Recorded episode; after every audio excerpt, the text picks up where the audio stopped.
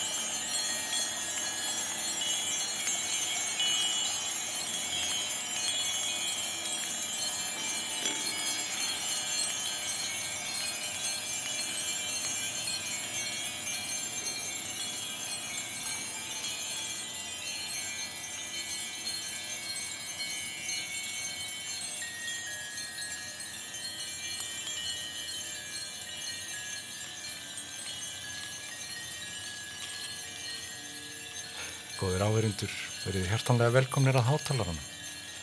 Gestur minn í dag er Hafdís Bjarnadóttir, gítarleikari og tónsmiður sem er að gefa út nýja plötu þessu dagana. Plötu sem geymir bæði tandur hrein náttúruljóð og útferslur Hafdísar og samstvarsfólks hennar á þeim.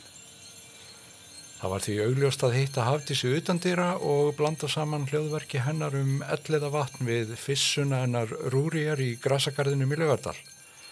En áðurum við heyrum spjallið við Hafdísi skul við bregð okkur vestur á Barðaströndi í bóði tónlistar hennar og Parallax tríásins norska sem tekur þátt í spennandi æfintýraferð Hafdísar Bjarnadóttur um náttúru Íslands.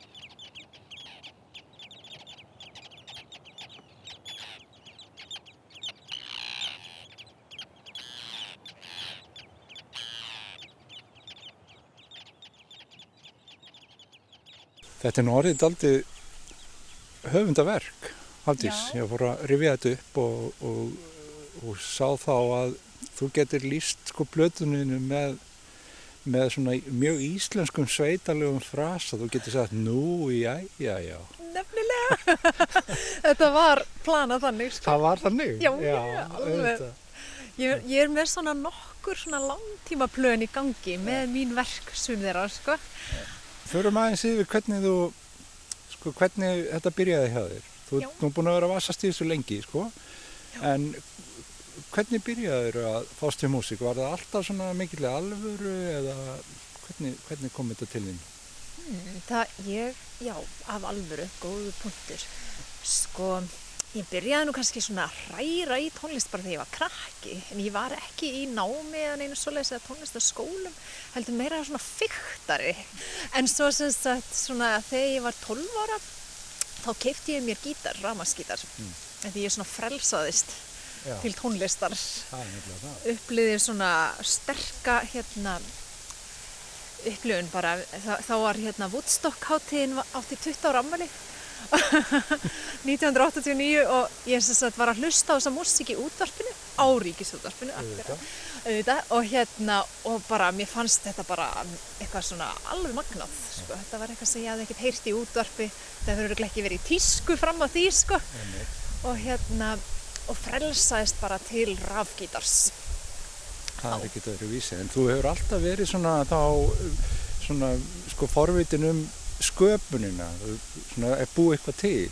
Varst að spila þína eigin músikarna heima á frænguðinni á píanói. Góð spurning, ég hef ekki hugmyndu hvað ég var að gera sko.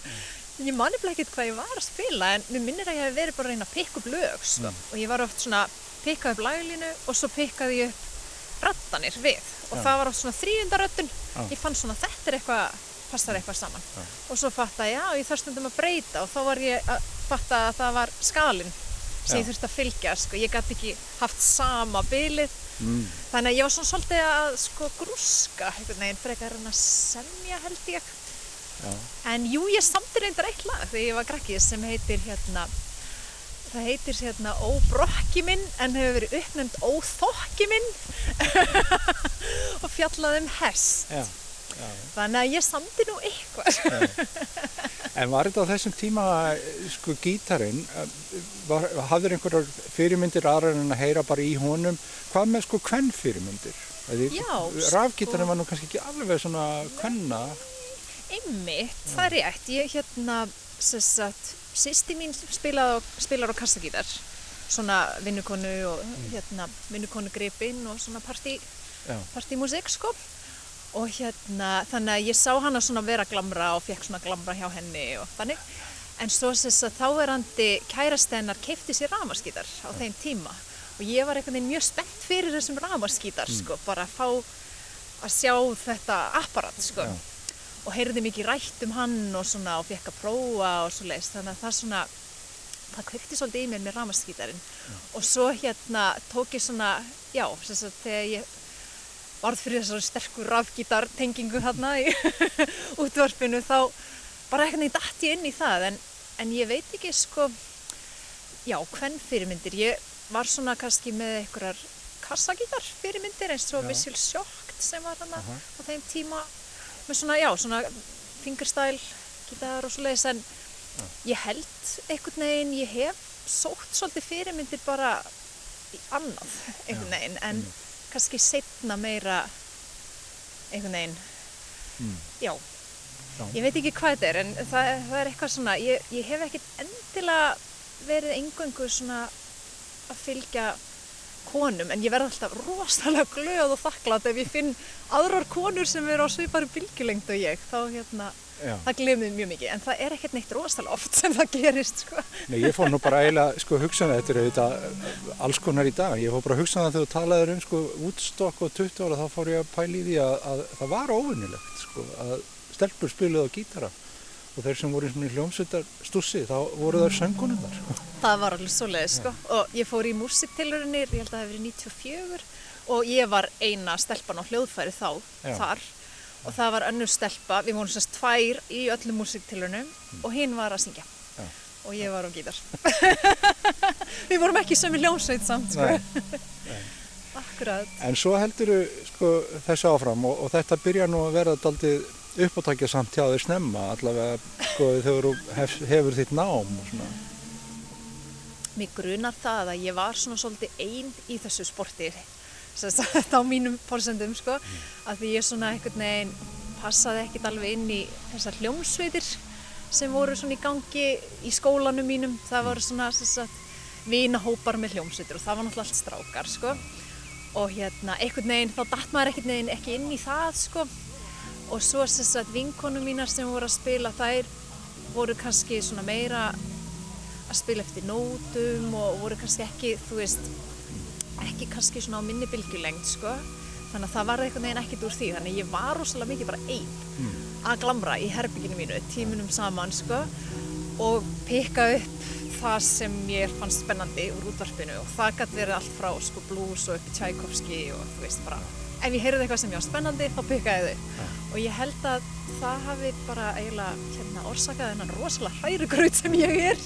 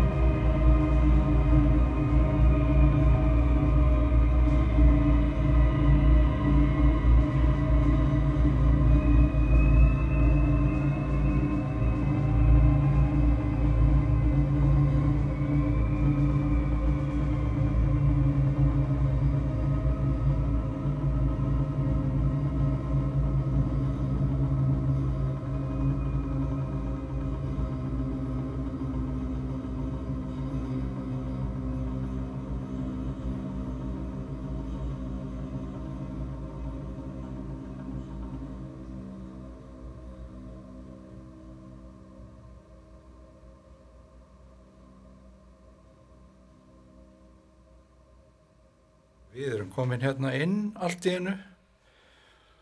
Það er ekki hægt að vera sko úti allan tíman þó að við förum aðeins svona, tökum, tökum aðeins stikkur af plötunni, fínu sem er eiginlega öll úti.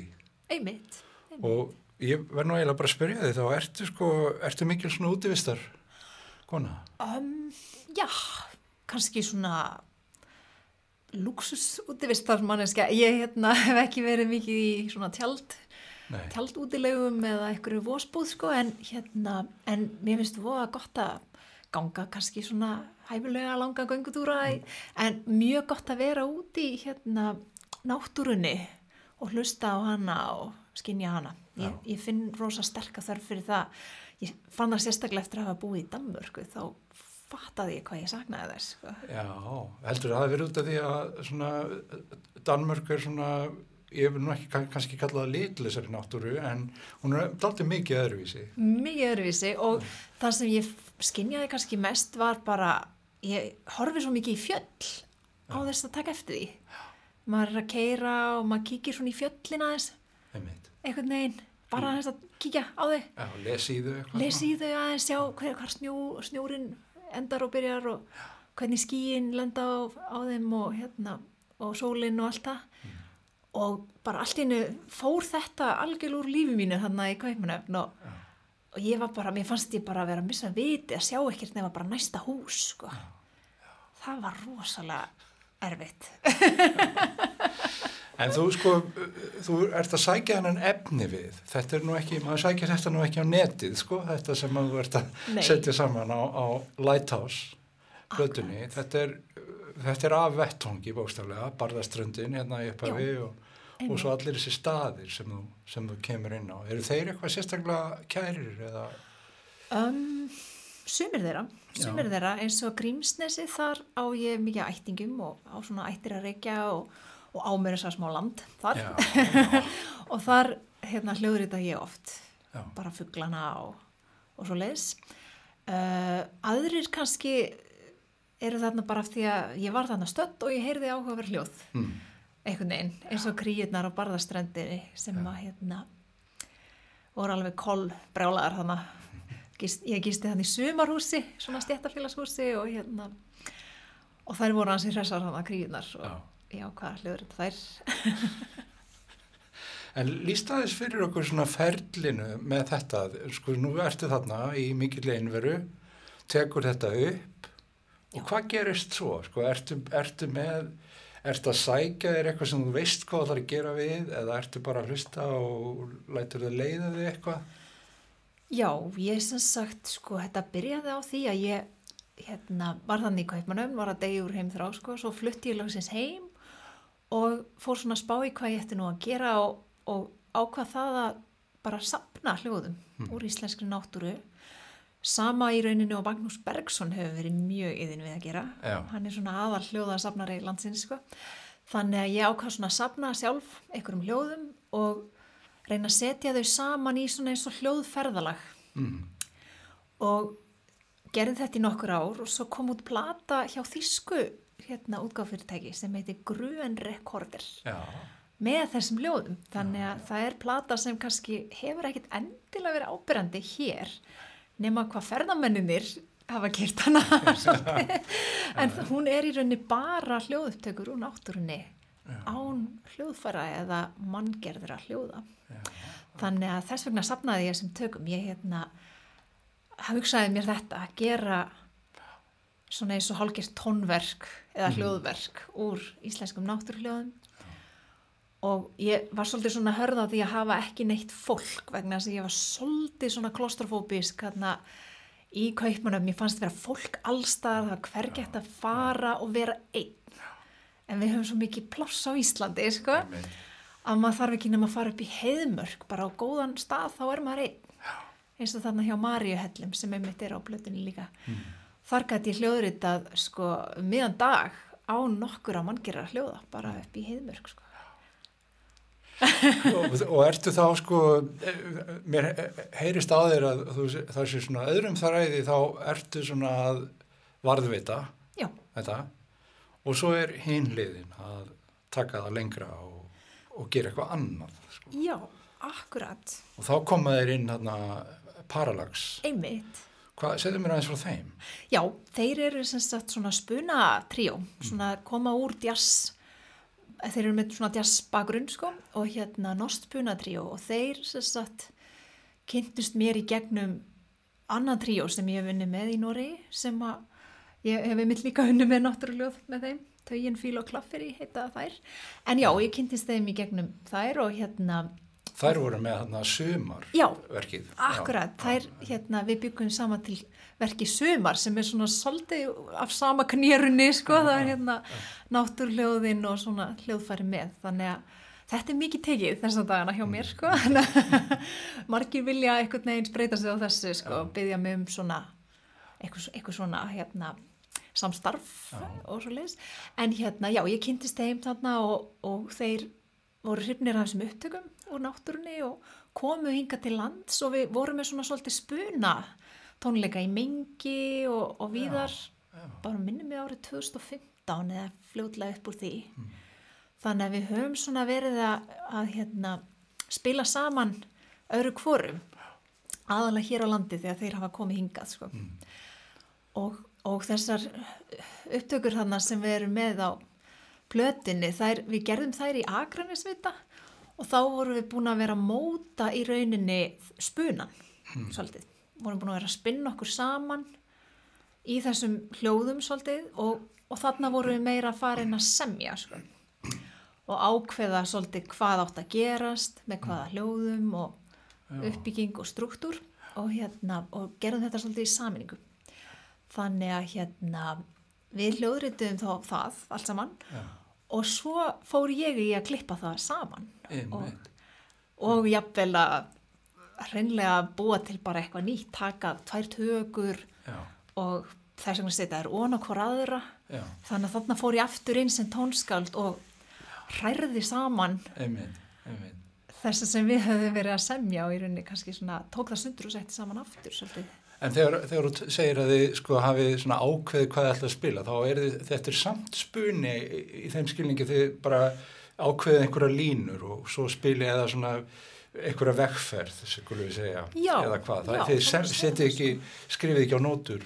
Nei, Nei. við skrifum ekki á nótur, við skrifum svona texta. Já, texta til viðmiðunar og kannski einhverjar tímasetningar mínútur og sekundur sko. Já. og hérna og svo gerðum við svona kannski stundum svona eins og já, hvað, hvað skal kalla svona einhverja litla búta sem já. við ákveðum bara, núna ætlum við að gjósa Já. með strokki. Bara strokkur gís og við gjósum með. Já.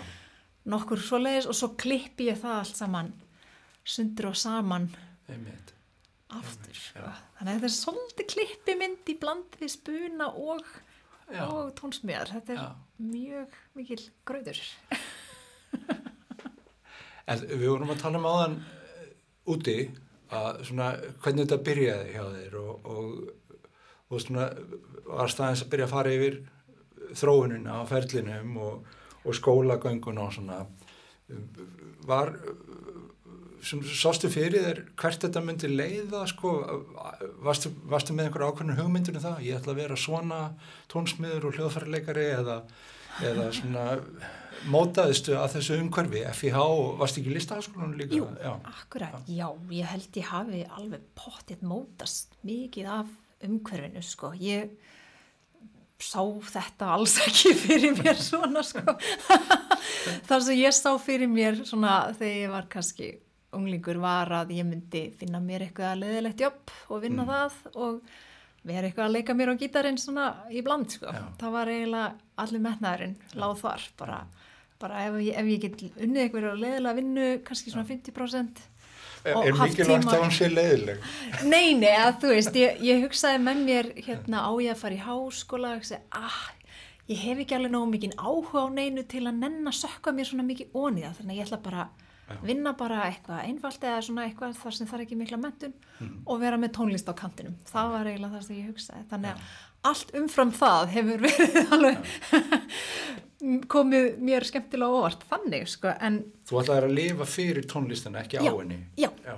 akkurat já. ég ætlaði bara að lifa hérna hvað segir maður, næ, næjur sem, semis lífi já.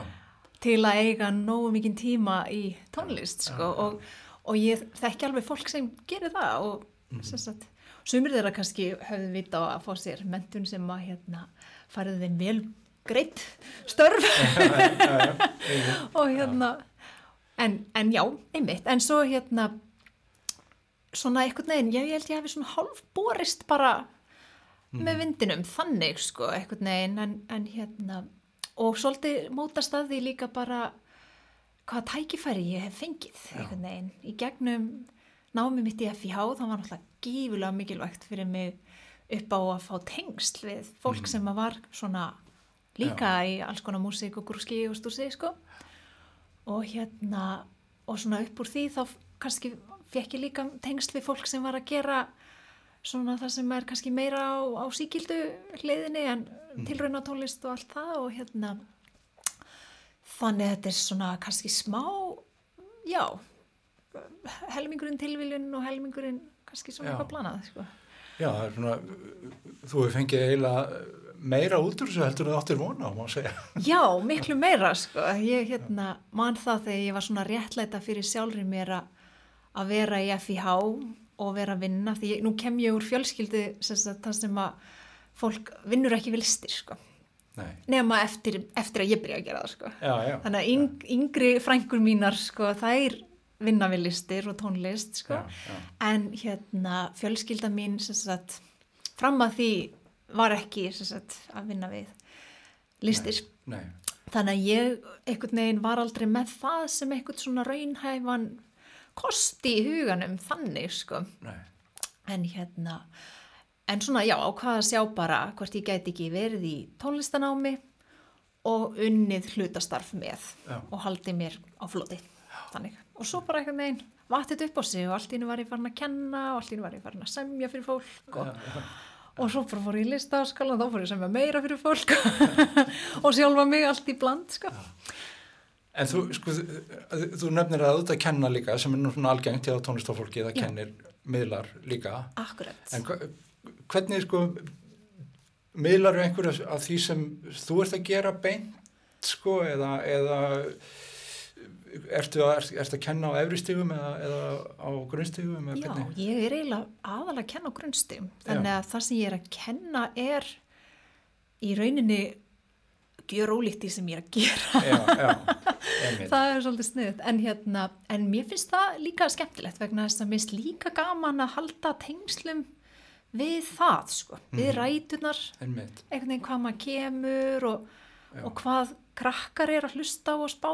Já, Mér finnst það mjög áhugavert, en stundum koma alls konar skrýtna fyrirspurnir og skemmtilegar frá nefndunum eins og að, pikka upp eitthvað mathmetallag eða já, já. kvikmyndatónlist, tölvuleikatónlist. Ég reynir svolítið að fá út úr nefndunum mínum hverju, hva, hvað þeir hafa áhuga á, sko. Mhm. Og hérna, svona reyna að fiska eftir því, þannig ég kenni öllum grunnatriði Já. og fiska svo út og það kemur oft mjög áhugavert út úr því. Já. er í, Kemur það eru óvart mikið hvað, hvað eru að hlusta á eða? Já, stundum. já. Stundum kemur það mér á óvart, sko. Og ég finn það til dæmis, krakkar eru margir hverjir mjög spenntir í kvikmyndatónlist. Þeir eru það, sko. Einmitt. Og hérna, tengja stert við hana. það er nánast eins og sko það sé engin sko greinanmunur á þarna, þetta er orðin, músík er orðin eiginlega bara hluti af einhverju heild.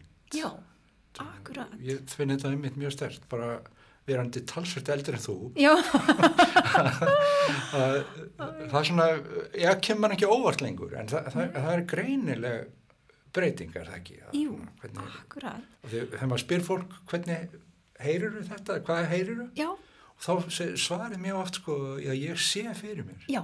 Eiginlega bara undantekninga löst. Akkurat, það er það er oft hannig sko og hérna og ég til dæmis á sjálfu ungling sko og ég er stundum svona hissa á að honum finnist eitthvað skemmtilegt sem ég er að gera sem er eitthvað mjög abstrakt sko, eins og þessi plata sko, honum finnst þetta skemmtilegt og það kom ég svolítið óvart af því þetta er svo rosalega abstrakt sko, Já, en hann veginn tengir við þetta.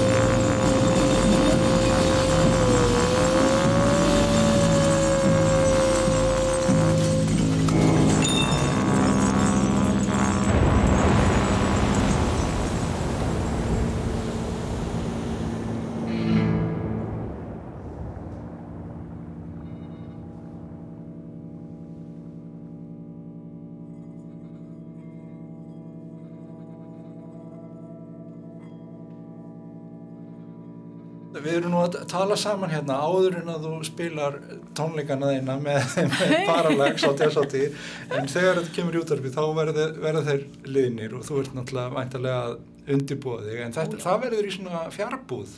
Já, þetta verður rosalegt sko. Ég, hérna, já, við byggðum lengi vel svona til að sjá hvað yrði og hérna núna sagt, til dæmis 14. ágúst þá átti að gefa út leiðbynningar um samkomu takmarkanir mm.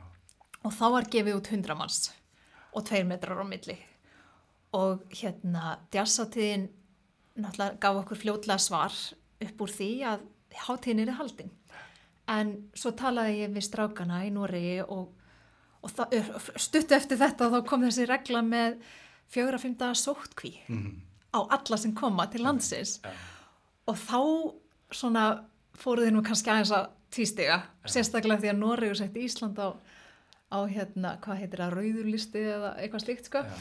og hérna þannig að við ákváðum fyrir ekkert rosalega lengur síðan að þeir myndu ekki koma heldur senda myndband já, já. sem er fulltrúið þeirra á þessum tónleikum. Og ég er sem sagt akkurat þessa daginn að sitt sveitt við að klippa þetta vídeo þannig að þetta er mjög öðruvísi en, en venjulega svona venjulegur tónleika undirbúningur hjá mér en hérna, þetta er nú langkomið þannig að það verður tilbúið fyrir tónleikana Já. en þeir sérst að verða á, á stórum skjá Já. spilandi Já. og ég spila svo yfir það Já, á sviðinu og hérna Spennandi. Já, þannig að við einhvern veginn vildum ekki alveg gefast upp og Nei. aflýsa og mér fannst kannski svolítið óþægilegt að þurfa að spila þetta alveg einn af því að þá væri ég nú kannski ekki alveg að gefa rétt að mynda blöðinni. Mm -hmm. Þannig að við ákváðum að fara þessa leið Já. og hérna, ég held þetta bara svolítið flott sko. Þannig að nú er ég að klippa inn í myndbandi líka í rauninni mynd, myndupptökur úr íslenskri náttúru sem ég sapnaði í sumar. Þannig að nú er þetta komið á enn eitt stíð sko. Þetta er svona multi, multimedia. Já, smá multimedia því að svona þegar COVID-ið skalla á þá keipti ég mér góða myndavill Mm. og hugsaði, já, já, nú þá maður kannski að treysta betur á vídeo Já, já. ef að maður má ekki spila live og það verður alls konar vesen þá er kannski gott að taka vídeo og geta viðlega stundið þannig. Við erum náttúrulega alveg algjörlega á þeim tímu núna við vitum ekkert hvað, hvað verður þannig að það er nú ábyggilega margir að velta fyrir sér framtíðinu hvað þetta verður. En finnst þér þessi, þessar pælingar, þessi vinna til dæmis að, að undirbúa þessa tónleika, það gefur þetta þér hugmyndur um hvernig framaldi getur litið út og getur Já. hugsað að gera meira af þessu? Já, akkurat. Ég nefnilega, mér finnst þetta ekkert leiðilegt að klippa vídeo. Ég var í, á myndlistabraut í fjölbrautaskóla. Já. Þannig að ég er svolítið að fara aftur inn í það, þá mentun og, og sagt nýta hana.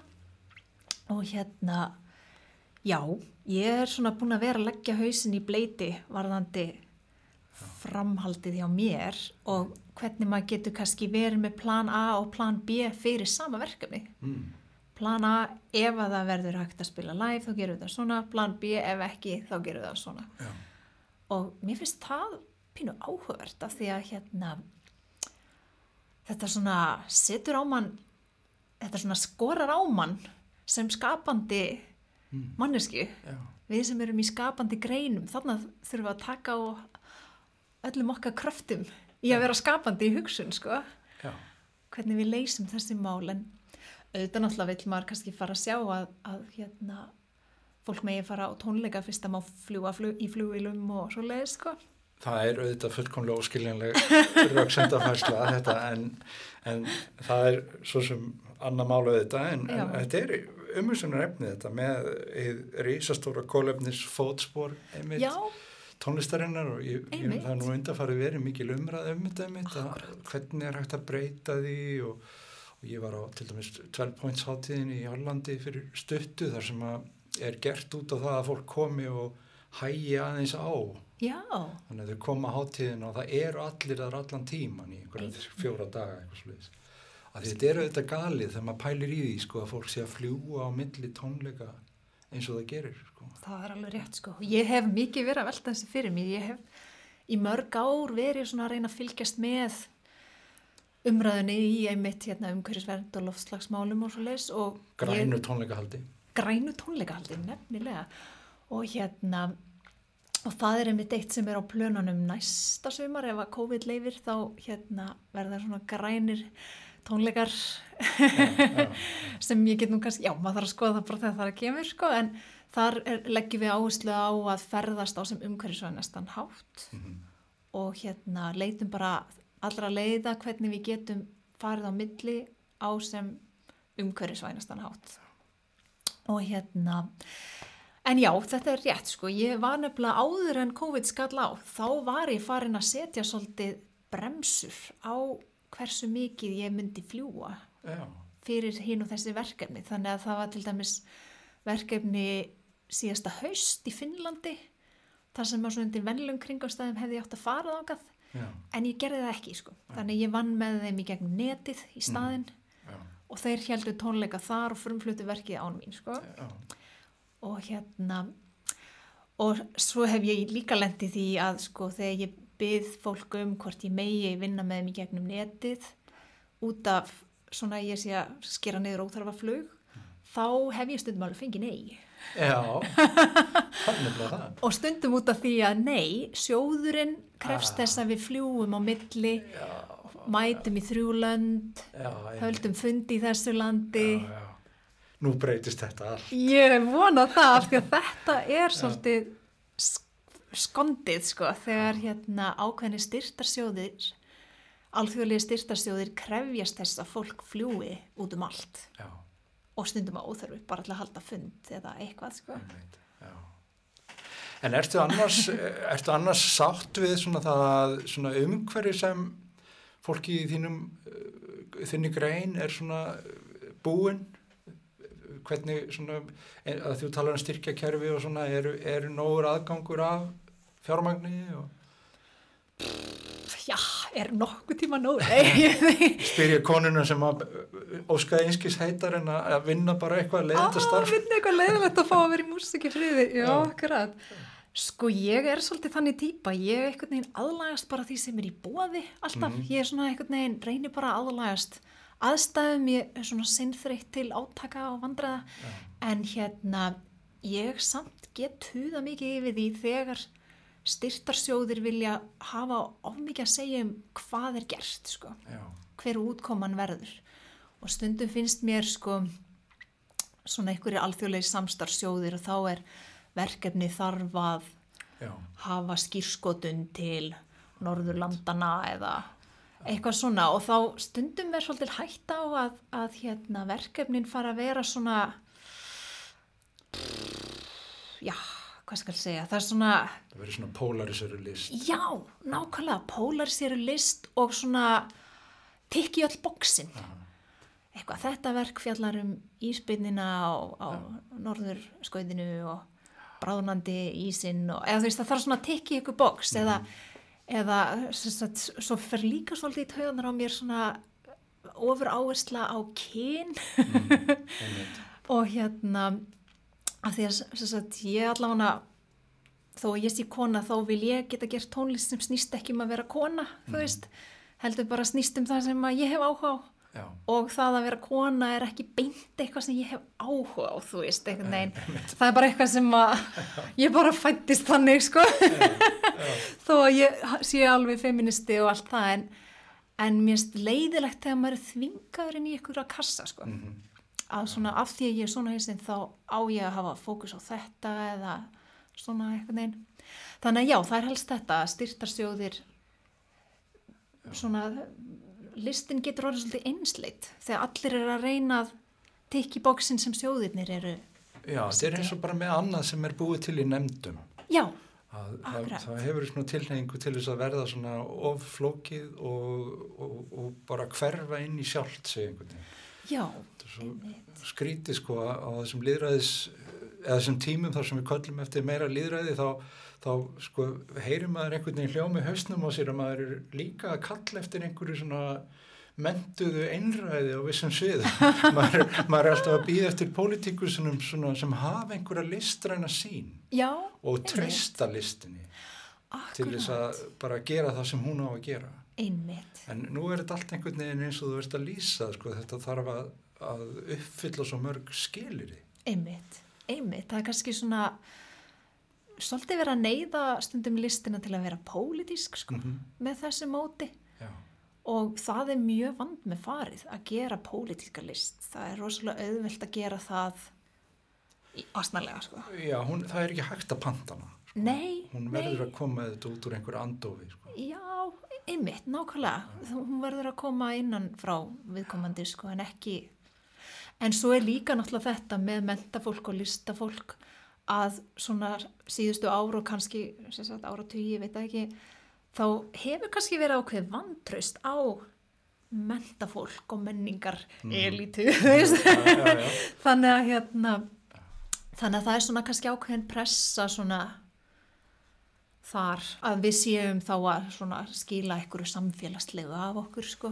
Já, en hérna en auðvitað náttúrulega er rosalega gaman ef að músík getur haft svona sagt einhvern, einhvern svona samfélagskraft sko sem að hvetur til góðra verka. Það, það er náttúrulega bara frábært líka. Já, ef maður sæði nú fyrir, sko, listina sem að höðar til allra og, og gerir gagg fyrir alla, þá er nú gaman að lifa. já, nákvæmlega, æj, æj, Hafdís, takk fyrir að koma í háttalaran og, og deila með okkur þessari flottu blötu takk, takk. að, í, úr vitanum, Lighthouse. Já, takk, takk og mér langar að þakka hann um Hilmari í Akranisvita. Ég ætla já.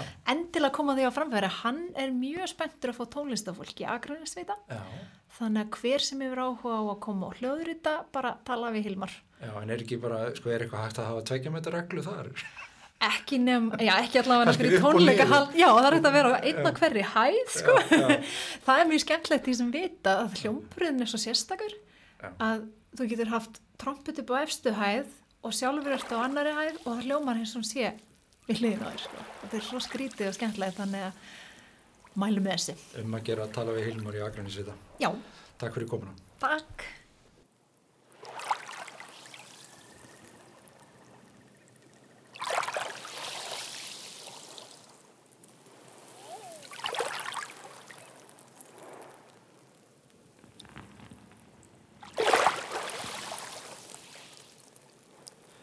Við endum þetta litla ferðalag með Hafdísi Bjarnadóttur með því að heyra sjóin klappa steinunum á Geldingarnesi. Takk fyrir að hlusta.